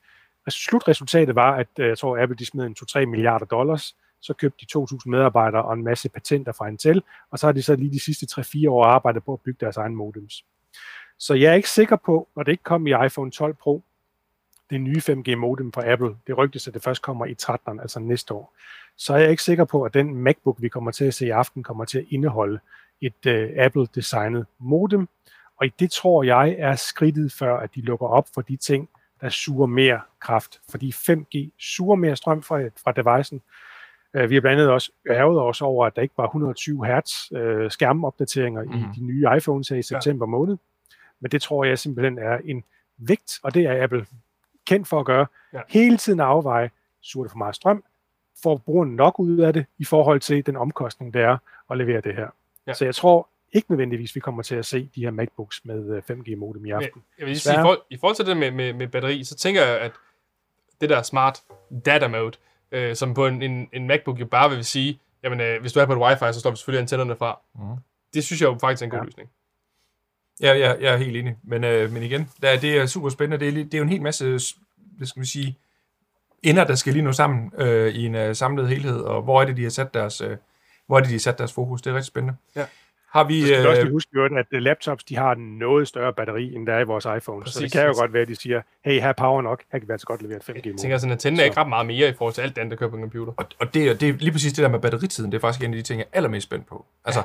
hvad betyder det, det her skifte i arkitektur på vores batteritid? Har vi denne her, øh, drøm, det her drømmescenarie, hvor det er, at vi kan øh, flyve fra København til Houston øh, og give den fuld gas med alle mulige ting på vores øh, MacBook Pro, og så øh, har du stadigvæk øh, 20-25% strøm tilbage, når du lander. Det kan jeg godt afsløre, det sker ikke i dag. Øh, der, der er den altså suttet noget længere ned. Ja. men, men Henrik, er der, er der flere spørgsmål eller øh, ting, vi bliver bedt om at skulle tage stilling til ude i chatten? Et, et mere, et mere, og den retter sig mod mig, og der, der bliver jeg spurgt, har du stadig din MacBook fra 2008, eller har du fået en ny? Og der kan jeg så sige, Nils, så jeg spørger, jeg har stadigvæk min MacBook fra 2008, jeg har ikke brugt den i et stykke tid, den er pensioneret, og det er, som vi også talte om tidligere, MacBooks er ikke, hvad de har været. De har ikke været på et niveau, hvor jeg siger, jeg vil have den her nye MacBooks i mange, mange år, for der har været et kompromis ved alle de her MacBooks de sidste fire år. Der har været det elendige tastatur. Der har været øh, touchbar eller ikke touchbar. Der har været øh, de manglende porte eller ikke manglende porte. Mm. Øh, der har været de overophedet på grund af Intel-processoren. Så der har været hele tiden det her kompromis. Og nu kommer vi altså hen til et niveau, hvor der kan komme en MacBook, der ikke behøver at have det kompromis. Jeg frygter stadigvæk, at de tager, for det er en af de rygter, Bloomberg er kommet med, at de tager de eksisterende MacBooks og placerer Apple Silicon i det, og så gør de ikke mere ved det. Det håber jeg ikke sådan, de lancerer den i aften, fordi øh, jeg har nogle ønsker til en kommende MacBooks, der skal erstatte min 2008 MacBooks. Det er Face ID blandt andet, Mm-hmm. og det er, hvad hedder det, øhm, og ja, og så, det er primært Face ID, hvis jeg skal være helt ærlig. Det er faktisk det, det vigtigste for mig. Men det kunne jo være lidt sjovt, hvis vi så uh, Face ID i aften. Uh, netop fordi ny teknologi, man kan få mere ned på chippen, og hele identifikations, uh, det der uh, uh, identifikationsapparat, det kunne jo godt være, at det kunne, at hvad hedder det, at det er her i aften, vi ser det. Og hvis vi øh, lige øh, skal kaste os lidt ud på rygtebørsen, øh, for det kan vi gøre, og skifter vi over på kamera 3. Sådan. Øh, det jeg har kaldet frem her, fordi vi kan jo lige så godt bare i stedet for at sidde og snakke om tingene, så kan vi lige så godt øh, se på det. Tiden begynder så småt at nærme sig, nemlig øh, der er 10 minutter igen inden, øh, inden at øh, der er showtime fra, øh, øh, fra Apple. Men øh, lad os øh, prøve at kigge lidt på, hvad det er, øh, vi ser på, der, der kommer. Det er selvfølgelig Apple Silicon, som jo sjovt nok er noget, der foregår inde i, øh, inde i maskineriet, og, og dermed ikke noget, der som, som i sig selv er særlig synligt. Øh, men når vi så går ned og kigger på deres øh, forudsigelser på, hvad for nogle produkter vi får at se, jamen der her nævner øh, 9to5 Mac øh, en 13-tommer MacBook Pro, øh, som øh, en, øh, en kandidat, kan man sige, til at, at skulle være den første, og så kan vi måske altid diskutere, hvorvidt en MacBook Pro er et Pro-produkt, men det er i hvert fald øh, det mest Pro, der kommer, kommer ud af det. Og Brille, hvis nu der kom sådan en fætter, hvad var det noget, du, øh, du kunne være interesseret i at, at kaste ud i? Nu øh, sad jeg faktisk lige med teknikken, så jeg hørte overhovedet ikke, hvad du sagde. Ja, det er så typisk. Sorry. Men øh, 13-tommer MacBook Pro med Silicon-processor, er det noget for dig, min ven? Øh, jeg vil jo allerhelst ud i en 15-tommer. Øh, fordi at, at hvis du skal sidde, jeg, jeg vil bruge en, en MacBook Pro til også at sidde og lave video på. Ja. Øh, og eller en 16-tommer selvfølgelig, som der også er rygter, der kommer. Øh, men jeg er sikker på, at 13-tommer MacBook Pro kommer til at ramme altså, så godt. Mhm. Der er så mange, der kan bruge en 13-tommer MacBook Pro til alt det, de skal bruge den til stort set. Hvor det eneste, jeg også skal bruge en større skærm til, det er fordi, jeg laver noget med billeder. Præcis. Og, og, og jeg er sikker på, at den bliver et smash hit. Det tror jeg også, den gør øh, i netop i prof-segmentet, øh, og der, som der også står hernede i teksten, så, øh, så kunne man godt øh, måske forvente, at øh, den, øh, ligesom at 15'eren gik til en 16'er version, at den nu kommer til at 14 tommer. Det vil sige, at man fjerner lidt af de her bezels. Og øh, jeg, jeg har også set, at der er nogen, der spørger, hvad det er for nogle maskiner og briller, jeg sidder med. Øh, det er øh, begge to MacBook Pro, øh, 15 tommer, Øh, selvfølgelig med Intel af gode, gode grunde. Mhm. Øh, som, øh, hvor gammel er det lige? Øh, Min, min 18'er. Ja, det er min faktisk også, så de er nogenlunde lige gamle. Så ja, det bliver spændende, og de kan altså godt blive varme, skal jeg helst sige. De kan blive... De kan blive varme, og Rigtig kan varme. blæse. Og så er der de der små ting, øhm, de der små problemer, jeg oplever med den. At sådan noget som, at den nogle gange ligger i tasken, Mm. og, og er tændt af en eller anden årsag. Så jeg tager den op, og så er den død for strøm, og har været varm Ja. i tasken. Det har jeg oplevet. Det har du oplevet nogle gange, ja. Øhm, og det har Chris også oplevet på hans. Han har en identisk MacBook. Mm. Øhm, og, og så de her øh, små glitches, som jeg nogle, nogle gange oplever, som jeg ikke... Det der med, vi sagde med, at en, en Mac ikke, hvad den har været. Altså, jeg, jeg tror på Henriks statement om, at det ikke er Apples skyld. Selvom man selvfølgelig godt kan blame på softwaren, selvfølgelig kunne, kunne Apple nok gøre et eller andet, men, men jeg tror, Apple simpelthen har været låst. Mm. Det tror jeg sgu. Det kan godt være. En anden, øh, en anden forudsigelse, øh, øh, som øh, kamera 3, øh, som, man, som der går spekulationer på, jamen det er jo en MacBook Air. Og der er jo ingen tvivl om, at så frem man vælger MacBook Air som, øh, som hvad skal man sige, startplatform, jamen så er det jo benhårdt, man går efter consumer-segmentet. Det er øh, i den grad en, en consumer computer, altså til almindelige privatforbrugere, som, hvad hedder det, øh, ja, det ser nice ud, øh, som er specielt målrettet øh, studerende og så videre. Min, min, min datter, hun har også en, øh, en MacBook Air, og er rigtig, rigtig glad for den. Den er jo super portable og nem at have med i tasken og så videre. Så man kan sige, går vi den her vej, consumer, er det det her, som vi ikke rigtig ved, hvordan kommer til at se ud, altså MacBook Pro, jamen, så kunne det godt give en indikation af, at det er mere pro-segmentet, man, øh, man går efter. Så det bliver rigtig, rigtig spændende. Så det er hvad der, hvad, i hvert fald, hvad øh, vores gode venner fra... Ah, så kommer der selvfølgelig... Øh, se den her, altså, kære venner, jeg der kigger med Hvis det. der, det er rigtigt, ikke? Ja. Og kæft, mand, det ser lækkert ud. Det ser bare dø lækker ud. Ja, det er vildt, mand. Ja, så det er jo, øh, der kigger vi jo på en øh, iMac, som øh, altid har været min yndlingscomputer. Øh, jeg har haft iMacs siden dengang de hed, de hed noget, de hed ikke engang iMac før iMac. Ja, den første, det var sådan en, en sammenbygget dem, jeg havde med en 14 tommer skærm, kan jeg huske, der kørte 640 x 480 opløsning på en PowerPC. Øh, ja, det, det, det, var, det var skønne tider. Men netop det der med, at man har den her sammenbygget, men prøv lige at se den her bandit her, altså uden bezels, bare død. Så hvis, øh, med lidt held, så kan det være, at øh, det måske er den, der bliver vores første skud i bøssen på, øh, på hvad hedder det, øh, på Silicon. Det ville være fantastisk, fordi den taler både ind, den taler både ind i pro-segmentet og i consumer-segmentet, men alligevel, i dag der bliver der ikke solgt ret mange øh, stationære computer, så det er en lidt underlig, det vil være en lidt underlig fisk, så jeg tror i mindre omfang på, at det er den her, der bliver øh, den første. Altså normalt så skal man ikke lægge noget i invitationen til eventen, og alligevel så er der mange, der, der kigger på det, mig selv inklusiv. Men den her invitation, hvis man kigger på den inden øh, på, på en iPhone, trykker på det her, den her invitation, så ser man et billede, eller man ser Apple-logoet, der ligger flat, og så åbner låget sig, og så sprøjter de her farver sig ud bag skærmen. Det er også derfor, jeg har sat farver på bag ved mig, fordi jeg skulle ligesom være i, i temaet. Ikke? Så det er ligesom det der billede bag Øh, øh, Ja, altså det, det ligner simpelthen en, man lukker låget op på noget, så der, altså, Ah. jeg tror altså, seriøst, vi er på, øh, på laptop-segmentet. Det er MacBookerne, der får en opdatering af den ene eller den anden art i aften. Det tror du Det tror jeg på. Lige præcis. Det er også en Mac, i øvrigt. Sådan en MacBook Air. Præcis. Ellers så er det jo selvfølgelig, øh, hvis vi på softwarefronten, som øh, 9to5 Mac de sidder og taler om, Big Sur, vi har talt om det, det er, øh, det er helt ubetinget en, øh, en, en væsentlig ting, som skal, skal ud, fordi Big Sur er en forudsætning for overhovedet, at der er noget som helst silicon, der kan køre. Det kan jeg sgu ikke køre på en, på en Catalina på nogen måde. Det er, den, der, er det ikke den, der ligger før? Nu har jeg kørt Big Sur længe, så jeg kan ikke huske det. Hvad den gamle... Ja, i hvert fald, ja, Catalina, det hed den før. Og det var Også- en katastrofe. Det skulle hedde Katastrofa Ligner. ja, præcis. Færdig Mac OS. Ja, og der har vi jo så det, vi har snakket om i, efterhånden snart i mange events. Øh, nu er der ikke rigtig noget særligt øh, flot billede af det, men øh, ikke desto mindre, øh, så er der nogen, der forventer lidt, at, eller håber lidt på, at der kommer en, øh, hvad hedder det, et sæt hørebøffer. Øh, og hvad er det, det er for nogle hørebøffer, Henrik? Det er sådan nogle øh, noise can- cancelling øh, ørebøffer, ligesom I har sådan nogle på i dag, øh, der dækker for jeres lyd. Øh, så, øh, så er rygtet, at det er ikke Beats Audio, men det er Apples øh, eget brand, der kommer ud med nogle, med nogle AirPods, AirPod-brandet, og de har været rygtet i flere år. Øhm, og vi talte om sidst, da vi lavede en keynote, Hans, at øh, der var sgu ingen af os, der troede på, at den kom ud på noget tidspunkt. Jeg tror heller ikke, den kommer i aften. Nej, Det er ikke relevant. Det er, hvis der skal komme noget andet, tror jeg, i aften, så er der to muligheder. Det er AirTags, eller det er Apple TV. Det tror jeg er en af de andre ting, der vil komme, hvis der kommer noget. Jeg ved ikke, har Apple, andre Apple bud? TV, det kunne jo altså være spændende. Se nu, hvad det er, hvis nu det er, at de for alvor skal, skal vise yderligere, kan man sige, aspekter af, af, af Silicon-familien, Oh, ja. og hvad det kan tilbyde. Vi har lige haft Sony, der har lanceret øh, PlayStation 5, eller den er ikke engang kommet ud endnu, men, men, de, øh, men de, de går jo benhårdt efter det her home consumer entertainment marked, øh, og, og de har et økosystem. Øh, de skal have solgt nogle, øh, de skal have solgt nogle flere abonnementer på øh, Apple Arcade og hvad det alt sammen hedder.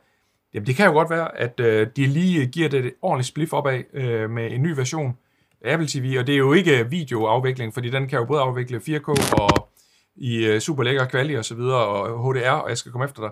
Så det må, det må være noget andet, hvis det er det, den her.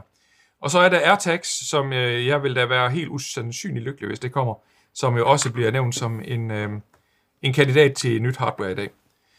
Og nu er der ved at være, øh, ja, der, der er ved at være øh, øh, sidste udkald, øh, final call. Øh, der er nu cirka to minutter tilbage, inden at der er showtime. Small step, giant leap, stod det det? Okay. Øh, vi er Nå. tilbage efter at have set øh, Apples øh, unveiling of the new generation of Macs, mm-hmm. hvor vi så en øh, Mac Mini, MacBook Air og en MacBook Pro, som blev præsenteret som de første devices med den nye M1-chip, som er den første Ja. Apple Silicon chip. Og øhm, jeg, jeg, jeg, nu kender jeg lidt din reaktion, Hans. Øh, Henrik, lad mig lige øh, få øh, din, øh, inden du bliver farvet af Hans mening. Øh, hvad, hvad synes du om eventet?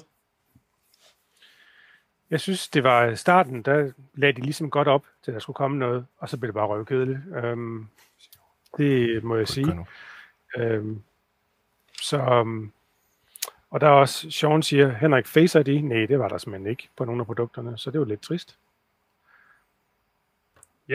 Så, så det vi måske øh, det vi måske havde manglet, øh, det var nok, at den her M1-chip var blevet præsenteret i et nyt produkt. Altså Ja. man kunne Pro med et nyt design, eller et eller andet, Ja, ikke? de gjorde, præ- de gjorde præcis det, jeg frygtede. Øhm, netop det, som Bloomberg også havde lægget, bortset fra Bloomberg havde ikke, ikke helt ret, de sagde også, der kom en 16-tommer MacBook Pro.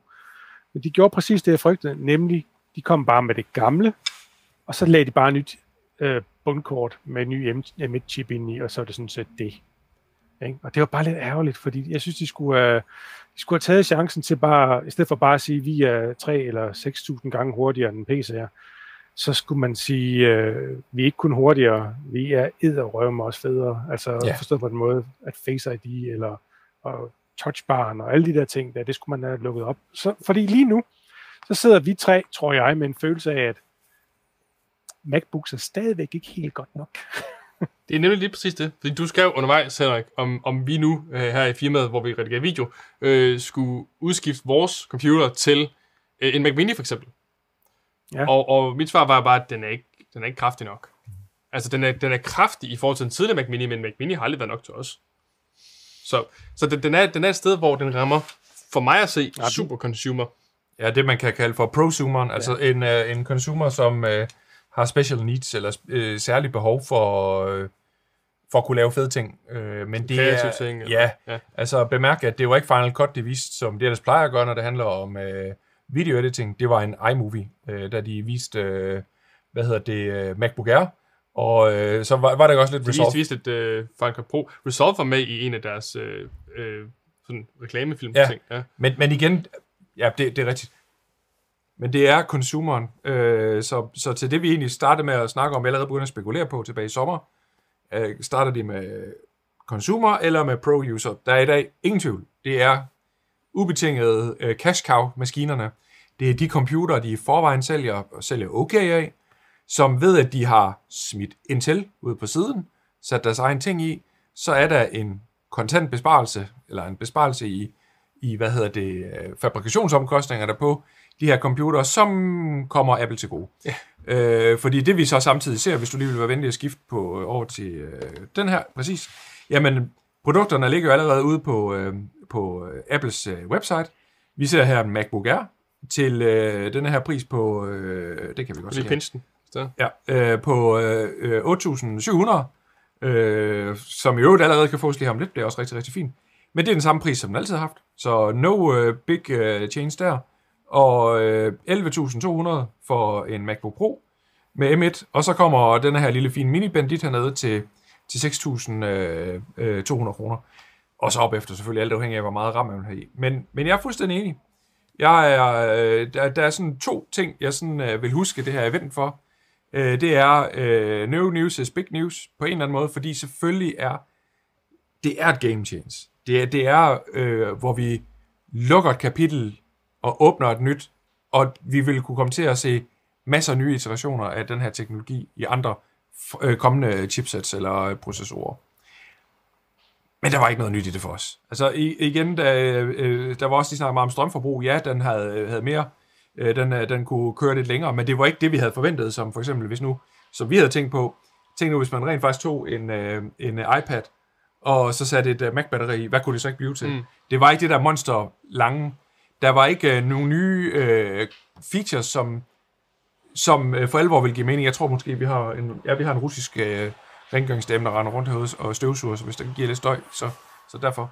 Men der var ikke, øh, som, øh, som jeg snakkede om ind- indledningsvis, der var ikke, øh, der var ikke Face ID. Øh, der var ikke noget nyt fedt, som Der var ingen 14 tommer, der var ingen 16 tommer. Ja. Øh, der var ikke noget nyt design overhovedet. Præcis. Det er den ene ting, jeg husker øh, den her keynote for. Den anden ting, det er, at jeg har aldrig nogensinde i hele mit liv været så talblind før. Altså, det er jo ligesom at se Peter Ingemann, der, der har det der show, hvor han sammenligner alting i fodboldbaner. Altså, den her computer, den er øh, øh, seks gange så hurtig som øh, den mest sælgende PC. Hvad er det? I don't, det, det siger mig ingenting. Nej. Men som vi så sad og talte om undervejs, men det er faktisk også en meget utaknemmelig opgave at skulle prøve at kvantificere og forklare for forbrugere, og så nogen som os, hvor, vildere, hvor meget vildere er det her. Øh, så det blev øh, en hel masse x gange x, altså x gange et eller andet, øh, og det blev en ørkenvandring uden lige, synes jeg. Så jeg følte mig ikke... Øh, jo, selvfølgelig er produktionskvaliteten som altid for Apple, Ja, selvfølgelig. øh, når vi ser deres mega smooth transitions. Øh, som for eksempel, når vi skulle ned i kælderen, og så de der etager, de kom med hver deres farve, det så jo sweet as fuck ud. Det så virkelig fedt ud. Øh, men det vil jeg selvfølgelig også huske det for, men det, er- det, er, jo, det er jo ligesom blevet skolen nu, det er jo sådan, mm. det er fra, fra Apples side, men øh, ja, jeg kan godt se det her i et historisk perspektiv. Jeg kan også godt se, at det er døren, vi åbner til noget nyt, Men der kommer ikke ret noget nyt. Altså, der kom præcis det, som vi hørte om i, i juli. juli. Ja. Øhm, der kom en ny chip. Den er hurtigere og bedre, og det er det. Ja. Der kommer ikke nogen nye produkter jo. Nej. Kan man sige, altså... Præcis, den der Yes. One More Thing. Ja. Øh, og jeg kan også huske, øh, Henrik, du skrev også til os på, øh, på hvad hedder det, klokken 19.41. Øh, der skriver du til os, det er nu. Og hvor, hvor fandt du lige, det er? Det er nu, Henrik, der er klokken 19.41. Jo, det er det, fordi øh, det er en historie. Altså, når man ser billeder fra, hvad hedder det, øh, iPhones og så videre, så står tidspunktet op til at være 9.41. Og det er svaret til klokken 19.41. Og det er på det tidspunkt, hvor Apple vil lancere the main event. Altså, det er nu, vi skal se det, der er hovedbudskabet. Og det svarer præcis til den der MacBook Pro 13 tommer. Altså, Ja. man skal sætte det på, hvornår Mm. det, det svarede til. Ikke? Mm. Og så tænkte jeg, okay, hmm, så kom der ikke noget mere. Jo, der var lige en reference til den gamle iMac PC, øh, eller Get a Mac-reklame, og det var meget sødt, den lige var til sidst. Den så I så ikke, fordi I havde vendt ryggen til. Ja, vi Vi var travlt at- vi var travlt der med at, at, at tænde lamper og alt sådan noget spændende noget. Ja, men ja. Men det, det, altså, jeg vil sige, jeg glæder mig til at komme hjem og se showet igen, men det er også, øh, det er jo, det plejer jeg altid at gøre, når vi har, det er fordi, når vi laver det her ting live, så er der altid en milliard små ting, der lige bla bla bla, så man ikke lige når for alle detaljer med. Så jeg skal helst lige hjem og se det øh, øh, derhjemme, og så i god kvalitet. Men det, jeg glæder mig rigtig, rigtig meget til, det er jo rent faktisk om en uge, Ja. når forhåbentlig MKBHD, men i hvert fald alle de andre YouTubere, de laver en video omkring de her computere. Mm. Mm. Fordi jeg tror faktisk, de er bedre til at formidle det, end Apple er. Også fordi de kan vise det, de kan på en anden måde lave anmeldelser af det. Ja. Og jeg glæder mig utrolig meget til at få deres kan man sige, subjektive vurdering på, hvad de synes om den. Fordi en ting er, at de kan stå og sige, at den er hurtig, den er hurtig, den er hurtig. Det jeg godt vil vide, det er, jamen, føles det som at, at sidde på en iPad? Og det sjove var jo, at, at jeg startede med at sige det der med, at, at specielt det der med at tænde en Mac er langsomt. Mm. Hvor vi så så Craig Federici stå og lave den der helt Ja, det var sjovt. sensuelle åbning af en Det var en fandme sjovt med, med, med, med, hvad hedder han, øh, hvad den hedder ham? Barry White. Ja, præcis, Barry ja. White i baggrunden, det var mega Ja, ja. fedt. Præcis. Sjovt. Og, og lige præcis den der følelse, den, den sensuelle følelse, så at sige, Ja. som du får af at, at bruge et Apple-produkt nogle gange, som bare virker. Og det, det, den følelse har jeg ikke fået med MacBook på det sidste. Og det håber jeg virkelig, at vi får med det nye. Ja. Og det glæder mig til at høre fra, fra YouTubers omkring. Præcis. Men uh, altså, Henrik, Oliver, har du haft skriver- uh, har du haft lejlighed til at følge lidt med i? Jeg kan se, der er allerede folk, der skriver lidt derude. Uh, Ja, men de fleste skriver det samme, som vi siger. Øh, Det er fedt, men lidt skuffet. Øhm, Og Oliver øh, Visholm, han skriver også, øh, synes desværre, at de misbruger One More Thing-linjen en lille smule. øh, jeg er helt Og enig. øhm, ja, det synes vi nu. Men jeg tror, de har haft snablen nede, altså Apple har haft snuden nede i det her, de ved, hvilken game changer det her er, og går over til deres egen silicon. Så jeg tror faktisk egentlig, det er okay, at de, de kalder det en one more thing, fordi det er en kæmpe game changer. Det er bare ærgerligt, det er pakket ind i, øhm, i sidste års øh, frame. Altså, Ja. svar til at købe en ny bil, ikke? og så er det altså sidst, samme design som for i år. Altså, det er Ja. det, der er ærgerlige ved det, ikke? Ja. Så, Ja, øhm, det, det, det svarer til at gå ud og købe en, en elbil, der bare øh, er præcis den samme model, som du havde i forvejen. Ja, altså. præcis. Just præcis. Øhm, og der er en anden, der også skriver her, at øhm, om, om hvad, hvad forskellen egentlig er på MacBook Air og MacBook Pro nu. Nu hvor at, at øh, de egentlig har samme chip. Har de samme performance? Den, Ja. den største forskel, jeg så, det var batteritid, der var en anelse højere på MacBook Pro. Men så også, at MacBook Pro har en blæser. Altså en, en form for, for øh, afkøling af CPU'en, som gør, at øh, den kan performe bedre i længere tid. Så er mit spørgsmål bare, hvis de havde et design i MacBook Air med en blæser, hvor fanden er det så pillet den ud? Er, er det udelukkende for at lave den forskel, at du så kan få en Pro med en blæser i?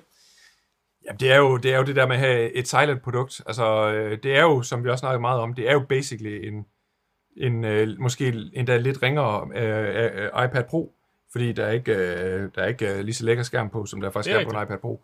Men det er jo basalt set en iPad Pro, som de så lige har gjort til en øh, computer. Og det er jo nok det, de gerne vil, øh, kan man sige, emulere. Øh, mens, øh, mens vi sidder her og taler, så kan jeg selvfølgelig ikke lade være med, og det plejer vi også at gøre som en, som en lille ting. Uh, nu skal jeg nok lige øh, zoome ind her. Uh, det her, det er Apples aktiekurs hen over dagen. Og det er jo for at rolige mig faktisk en lille smule. Så siger man, hvorfor pokker hov? Hvorfor foruroliger det dig, Hans Tosti? Jamen, øh, nu røg den lige på, øh, på skideren her. Du var bare Øh, tilbage her. Ja, fuck det. øh, det der er pointen, det er, at øh, aktiekursen den falder ikke. Det plejer altid at ske, når det er, at der er store ting for Apple. Så plejer det altid lige at tage et lille dyk. Øh, der var et lille bitte dyk her, øh, øh, jeg tror det var tidligere på dagen, der, men, men øh, den ligger ret stabil. Så jeg tror egentlig bare, at øh, investorerne derude, de sidder og tænker, fair nok, fedt. Øh, Apple, de øh, har kommet med nye produkter. The Ships, de skal nok købe dem. Og, øh, hvad hedder det, øh, omkostningen, produktionsomkostningen bliver lavere på grund af, at de selv producerer det. Fedt. Det er mere profit på, bundlinjen. Det kan vi godt lide. Så det er jo lige før, man hellere Ja. skulle kigge på Intels øh, aktie, men det, men det er heller ikke spændende, fordi det her det har været ventet i lang tid, så den Ja. er jo, niveauet er jo justeret. Der er jo ikke sket noget i dag, som øh, vil øh, formentlig gøre, at øh, aktien falder Mm. yderligere. Nej, altså man kan så ligefrem sige, at øh, de skal ikke engang ud og omstille værktøjerne, fordi at øh, inclusion, det er sgu den samme, som de hele tiden har haft. Fuldstændig. Øhm, så, men nu skal vi heller ikke øh, gøre det, træde, træde det ned over gulvbræd, eller under gulvbrædderne, fordi der er jo, altså, det er jo en imponerende arkitektur, de lancerer. Ikke? Bestemt. Øhm, det er jo der, hvor vi bliver talblind desværre, ikke? fordi 5 nanometer system on a chip med, hvad hedder det, Unified Architecture eller Memory Architecture, det, det er sgu da cool.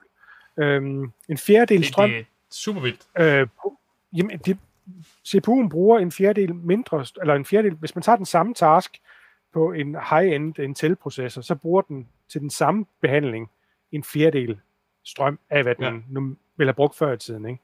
Så, så det er der, øh, det er der mesterstykke et eller andet sted. Det, jeg synes, der er morsomt, det er, at de, de siger, at de kalder den M1.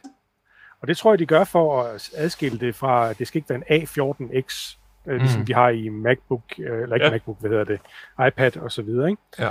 Øhm, det er en M1 for Mac the first, altså M1, ikke? Og øhm, men man så ser på, hvordan den er bygget op, ikke? Øh, 8 cores, Ja, men det- mener det jeg også, der er i øh, 14 sætteren, ikke? Ja. Øhm, øh, hvad hedder det? øh, 16, øhm, hvad stod der her? 8 core fordelt på har 4 high performance og 4 high efficient. Det er der også i iPad'en. Øh, 16 core neural engine, det er der også i iPad'en. Så i virkeligheden er det den samme chip, basalt set, groft sagt. Mm. Øhm, de kalder den bare noget andet. Så øhm, Øhm, Jamen det er, øh, det er rigtigt nok, men det er stadigvæk et masterpiece. Det er ufatteligt, at det kan lade sig gøre, og, og putte det ned, og som vi sad og snakkede om, jamen selve processordelen af processoren, Ja. altså selve øh, de øh, otte kerner, øh, hvis, hvis det her det står til trone i forhold til, hvor meget real estate det tager på selve klodsen, øh, som i forvejen er meget, meget lille, mm. så det er jo ingenting. præcis. Det er jo sindssygt. Og så tror jeg også bare, man skal tænke på, altså, når du først får den i hænderne og prøver den, så tror jeg, du får en helt anden oplevelse af det her. Jeg tror, det her kommer til at betyde så meget. Helvede, Henrik. Jeg tror, det kommer til at betyde så sindssygt meget for altså forbrugeren. Jeg tror virkelig, du kan mærke det, når du sidder på den. Ja. Og det tror jeg er den største forskel. Som man Og siger. det er det, der... Man kan mærke forskellen, når man sidder på den. Det er fedt. Ja, Ja, men øh, stop, jamen, det, vi, vi, øh, vi har nogle lange uger for øjeblikket, så vi bliver, vi bliver lidt træt.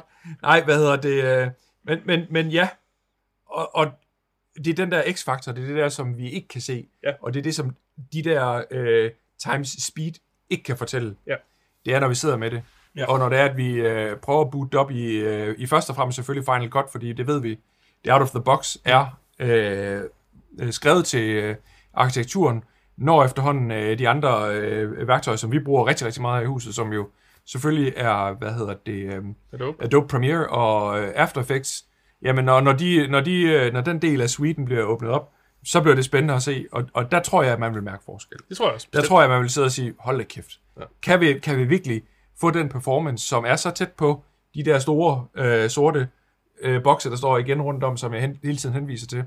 Øh, næste gang skal vi have en tredje mand med i studiet, der kan lave lidt øh, lækre panoreringer hen over vores øh, beskidte øh, indiske øh, retter øh, og hen på de her maskiner. Altså, min pointe er, noget der er så småt, som for eksempel en, en, øh, en Mac Mini. Hvis du spænder en lækker skærm på sådan en Mac Mini, så har du altså på papiret en ganske fornuftig maskine, Det vil jeg sige. som i langt de fleste tilfælde for, øh, øh, øh, for en... Øh, jamen, jeg, vi ville også kunne sidde her i huset og være OK tilfreds med den, tror jeg. Åh, oh, OK tilfreds. ja. Nu- Jeg så faktisk ikke, hvor meget ram den kunne få. Fordi nu sidder vi 16. med computer her. 16. 16, okay. Fordi vi har 96 i vores. Ja. Øhm, og, og det er faktisk ram af en, en stor ting, når vi snakker After Effects. Ja. Så, så det kommer til at kræve, at vi kan få, få bobbet den op. Ja. Ja, Bobbe jo, men der, husk lige igen, du bruger Adobe, og Adobe er nogle... Grisebasser. Ja, det er det altså. I know, men, men, Men- vi kan sgu ikke, øh, der er ikke noget alternativ til After Effects, desværre. Det, de har, i- altså, Det er jo lidt de facto standarden inden for vores branche, ja. Du kan ikke, øh, du Ja, kan ikke ja, gøre, altså, du kan det ikke gøre tillade mig at have en det, som holdning om, men, ja, men der er der alternativer. ikke, ikke, i, øh, ikke i, øh, i den professionelle sektor, Og desværre. heller ikke i vores workflow i hvert fald. Det Nej. kan ikke lade sig gøre. Nej. Så det er en ret vi- vi- vigtig øh, pointe, det der med, at det kan da godt være, at du kan tage noget andet software, øh, som også performer, altså eksempelvis, nu er ikke lige inden for video, men inden for foto, for eksempel, du har øh, Photoshop fra Adobe, som er tungt, og så har du Affinity Photo, som er bygget til Mac med alle dens øh, effekter og muligheder, den har, som er let, som koster en tiendel af det, som er øh, Mm. sammenligneligt, ikke også? Mm. Men workflowet, det er så essentielt, fordi I, er jo, I sidder jo ikke bare alene en person. Nej, I sidder jo en, en fire personer og redigerer, ikke? og det, det- det skal fungere i jeres workflow. Så uanset om det så performer fornuftigt, jamen, så er det jo ikke nok for Præcis. jer. Altså, Lige præcis. så. Præcis. Så øh, Henrik, skal du ud og skal du ud og flække øh, spargrisen? Er det nu, du har have den nye... Øh, du, det er jo lige før, du skulle vise, øh, vise din gamle bandit fra 2008 frem, så vi kan huske, hvordan den ser ud. Ja, min, min gamle fedtede bandit, ja, det er rigtigt. øh, der er fingeraftryk og alt muligt andet nasty på. Ja, tak. øhm, sådan beskidt bliver sådan en, når man jo bruger Har, har du den, så vi kan se, hvor tyk den eneste er? dag. Det var meget Den sjovt. er langt væk. Jeg okay. aner faktisk ikke lige, hvor den er lige i øjeblikket, Nå, så jeg kan ikke rejse mig og finde den til jer. Men øhm, Men er det nu, ja, Henrik? selvfølgelig. Ja, det tror jeg, det må være, fordi jeg er selvfølgelig super skuffet over, at, øhm, at jeg ikke fik Face ID. Men Touch ID fungerer jo også godt. Det er bare ikke det samme. Alle, der har prøvet Windows Hello, når man lukker låget op på den, og den bare logger dig ind, har det prøvet det? fungerer vanvittigt godt, ikke? Hvad siger du? Hvem har Øhm, prøvet det? Det ved jeg, jeg ved ikke noget. Det har jeg ikke Har prøvet. ikke Ja, prøvet Windows Hello? Og det er ikke, fordi jeg ikke bruger Windows-computer hver dag, men jeg har ikke prøvet en Windows Hello-maskine. Det er kongen. Når man har prøvet det på sin desktop, så gider man ikke det der med fingeraftryk eller noget som helst andet. Mm. Det er ligesom at have en computer uden password. Altså lige så vel som jeg synes Face ID på en mobiltelefon er fantastisk, fordi Ja. det der med passwords, det kører bare flydende, ikke? Ja. Så er det altså mega skuffende, at de ikke har givet, for det er et spørgsmål om at give og smide den i, men nej, nej, der skal jo også være noget til M2'eren, ikke? Og vi, Ja. øhm, det er så der, den lækre maskine, den kommer. Og det er så bare super ærgerligt, at man går ud og køber en, en uh, MacBook nu. Alternativt, så skal man bare købe den billigste MacBook øh, i, i den sammenhæng der, fordi øhm, så føler du ikke, du har smidt for mange penge ud af vinduet, når du om nogle Hmm. år skal opgradere, ikke? Men det er Sådan vil det altid være, jo. Det er også det, jeg tænker i forhold til, at du siger, at du vil opgradere nu, Henrik. Jeg tror jo stærkt på, at vi ser en, en, altså en opdateret Mac, altså et nyt design, inden for faktisk ganske kort tid. Måske så ikke i en 13 sommer, men i 16 sommeren. Og hvis ikke da, så til næste år i en 13 sommer. Ja, og jeg, ser, jeg sidder stadigvæk og venter på den der iMac. Ja. Den der, som vi også viste i pre-showet, den der, det der konceptdesign, som har, efterhånden har floreret på nettet i noget tid, øh, med, med bezel-less design osv. Sådan en kunne jeg godt, øh, sådan en kunne jeg godt være fristet af at slå slag for, at jeg skulle have som, som arbejdscomputer, hvis sådan en den, den fandtes, men det gør den desværre ikke, så Så, så summa summarum, øhm, fede produkter, men de rammer måske lige lidt forbi os faktisk. Ja. Vi er nok bare ikke lige målgruppen. Fordi jeg tror bestemt for målgruppen, at det her jo, altså, hvis du sammenligner med, hvad du kunne få før, og hvad du kan få nu, Mm. så har du fået noget, der er meget, meget, meget bedre og meget federe til samme pris. ja. Så det er jo faktisk fedt. Ja, og jeg tror på, at, at øh, nu så vi lige tilfældigvis, var det 800 og nogen tusind, der, fordi på den der skærm, der kører bagved, der var vi desværre nødt til at nøjes med noget YouTube til at afvikle øh, streamen på. Og så kom jeg lige til, fordi jeg troede lige, at jeg kunne stille, øh, hvad hedder det, øh, bitraten til at være på, eller øh, ja, øh, stille øh, kvaliteten til at være på en, øh, på et særligt niveau. Det kunne jeg ikke, men så kunne jeg se, at der var 800 nogen tusind, der sad og kiggede med samtidig på YouTube. Og der sidder man og så og tænker, hvem er de der 800 nogen tusind? det er igen, det er ikke den målgruppe, der sidder og bliver ophidset over det, vi har set i aften. Det er så nogen som os tre, og jer, rigtig mange af jer, der sidder derude.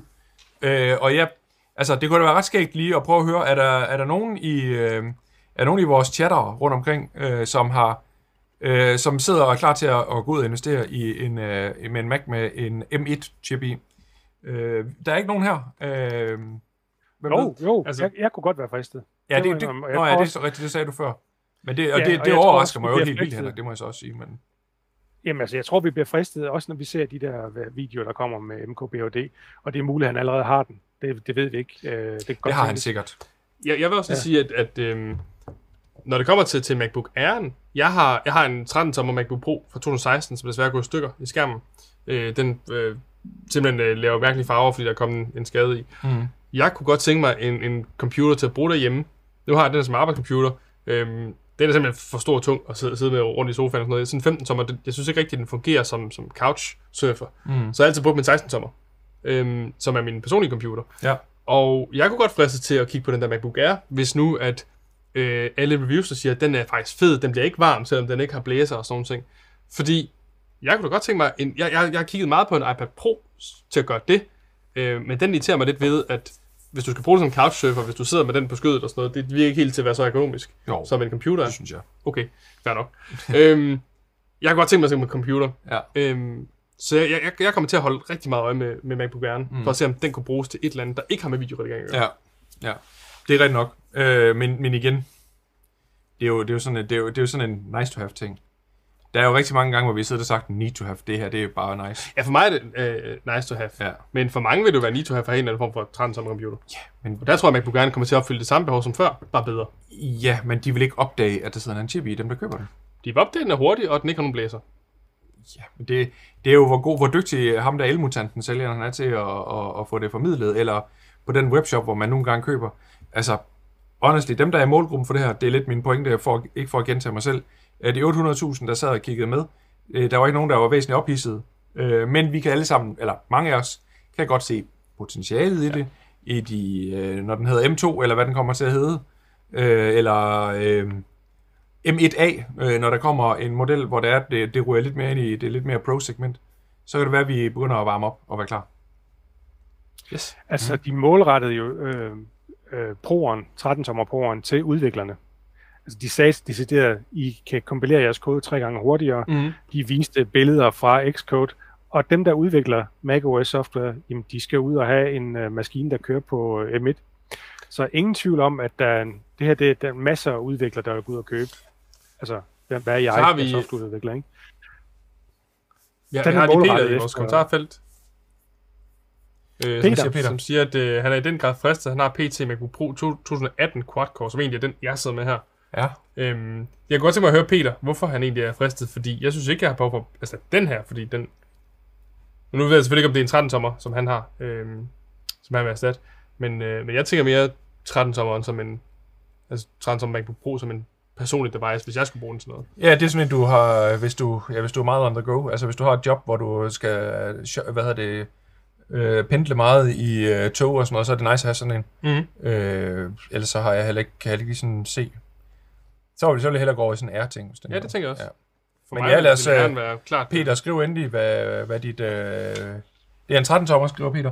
øh, øh, prøv, og prøv at melde lidt ind på, hvad det er, du øh, har tænkt dig at bruge den til. Ja, og hvad, hvad du ser som en upgrade fra Mm. mm. den, du sidder med nu, mm. til, til den nye 13 sommer. Ja. Det kunne nemlig være lidt spændende at finde nogle, få nogle perspektiver, som vi ikke lige, øh, lige sidder inde med.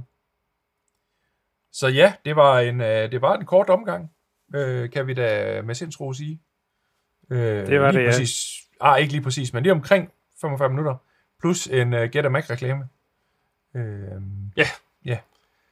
Og der var tre produkter, og det var That's Alice. Ingen øh, ny iMac, ingen AirPods Studio, ingen, øh, negativ. ingen Apple TV. Kom heller ikke. Mac Mini'en var til gengæld en overraskelse. Ja, det havde vi ikke lige set komme. Øh, det var overrasket lidt, men, men alligevel, det er ikke sådan, at man sidder og siger, wow, altså, Jeg synes, det er fedt. Ja, jeg, kan men godt lide det er det, men- Den, øh, den kan sgu noget. Vi sidder også lige med en Mac Mini her, Der som, afvikler, derovre. som faktisk den, den seneste opgave lige nu er at afvikle Henrik hernede. Ja. Øhm, så, så den er sat på på en... Øh, Men det kunne jo godt være, hvis nu vi skulle endelig finde, hvis nu vi skulle lø- lyse lidt efter det, så kunne det jo godt være, at vi kunne bruge, øh, vi har snakket meget om at købe en uh, iMac, Mhm.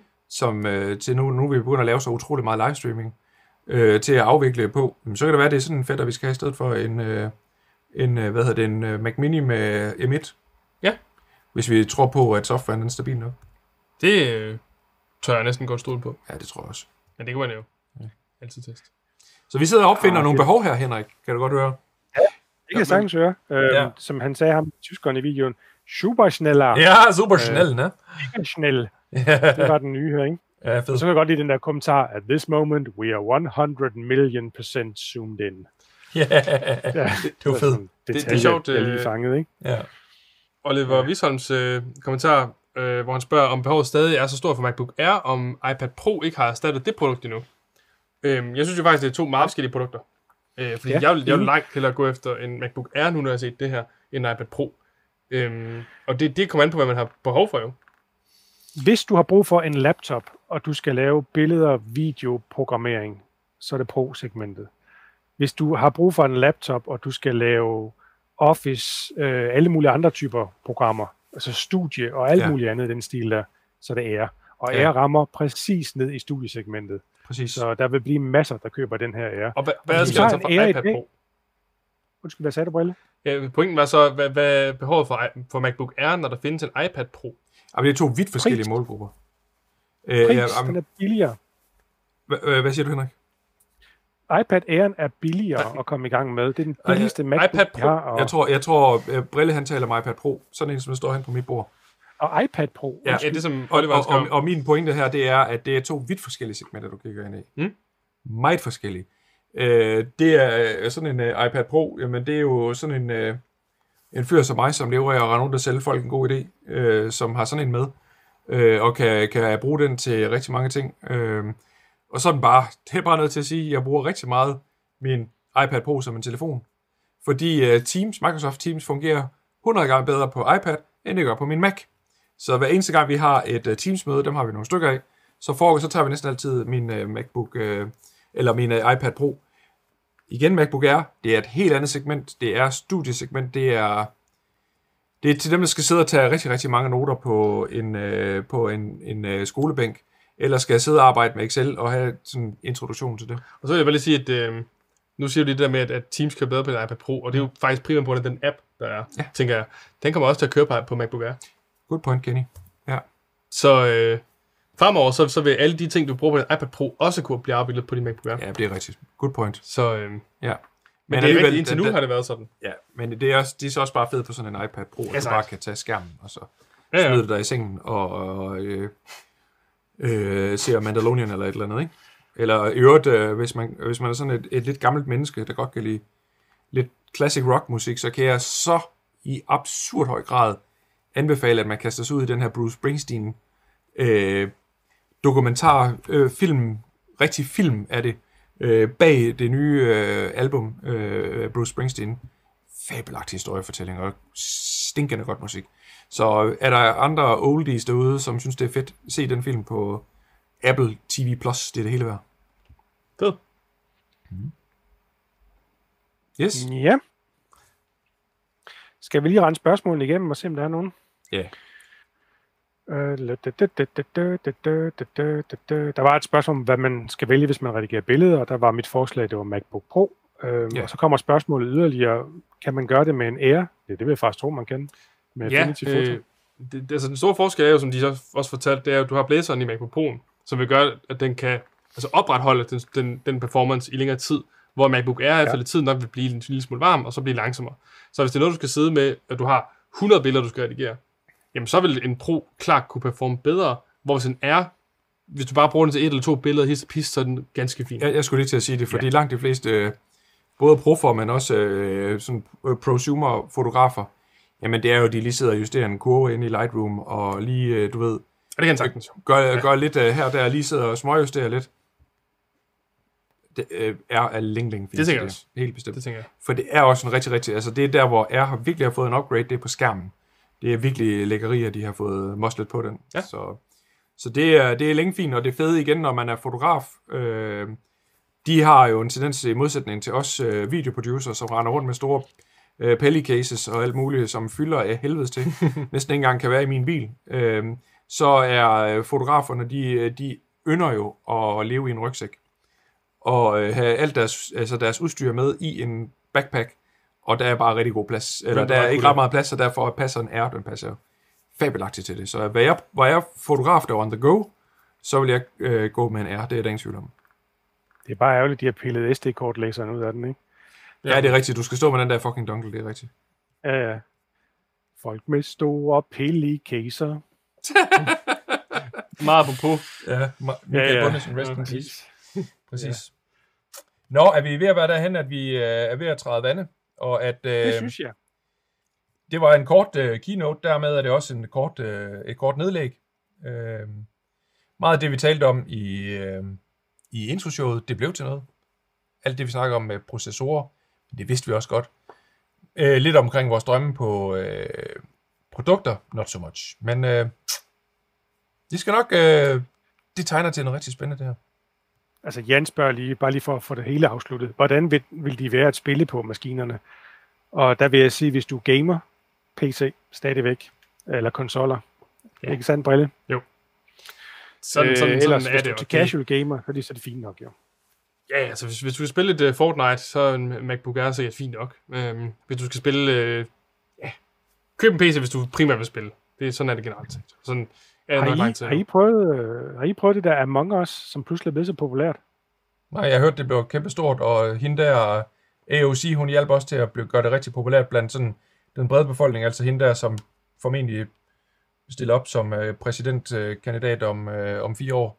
Øh, hun gjorde det, gjorde det kendt i den store brede øh, befolkning, fordi hun sad og spillede det på Twitch nu her en uges tid før valget. Ja, ja. Øh, så det er der, jeg hørte om det første gang, kan jeg godt afsløre.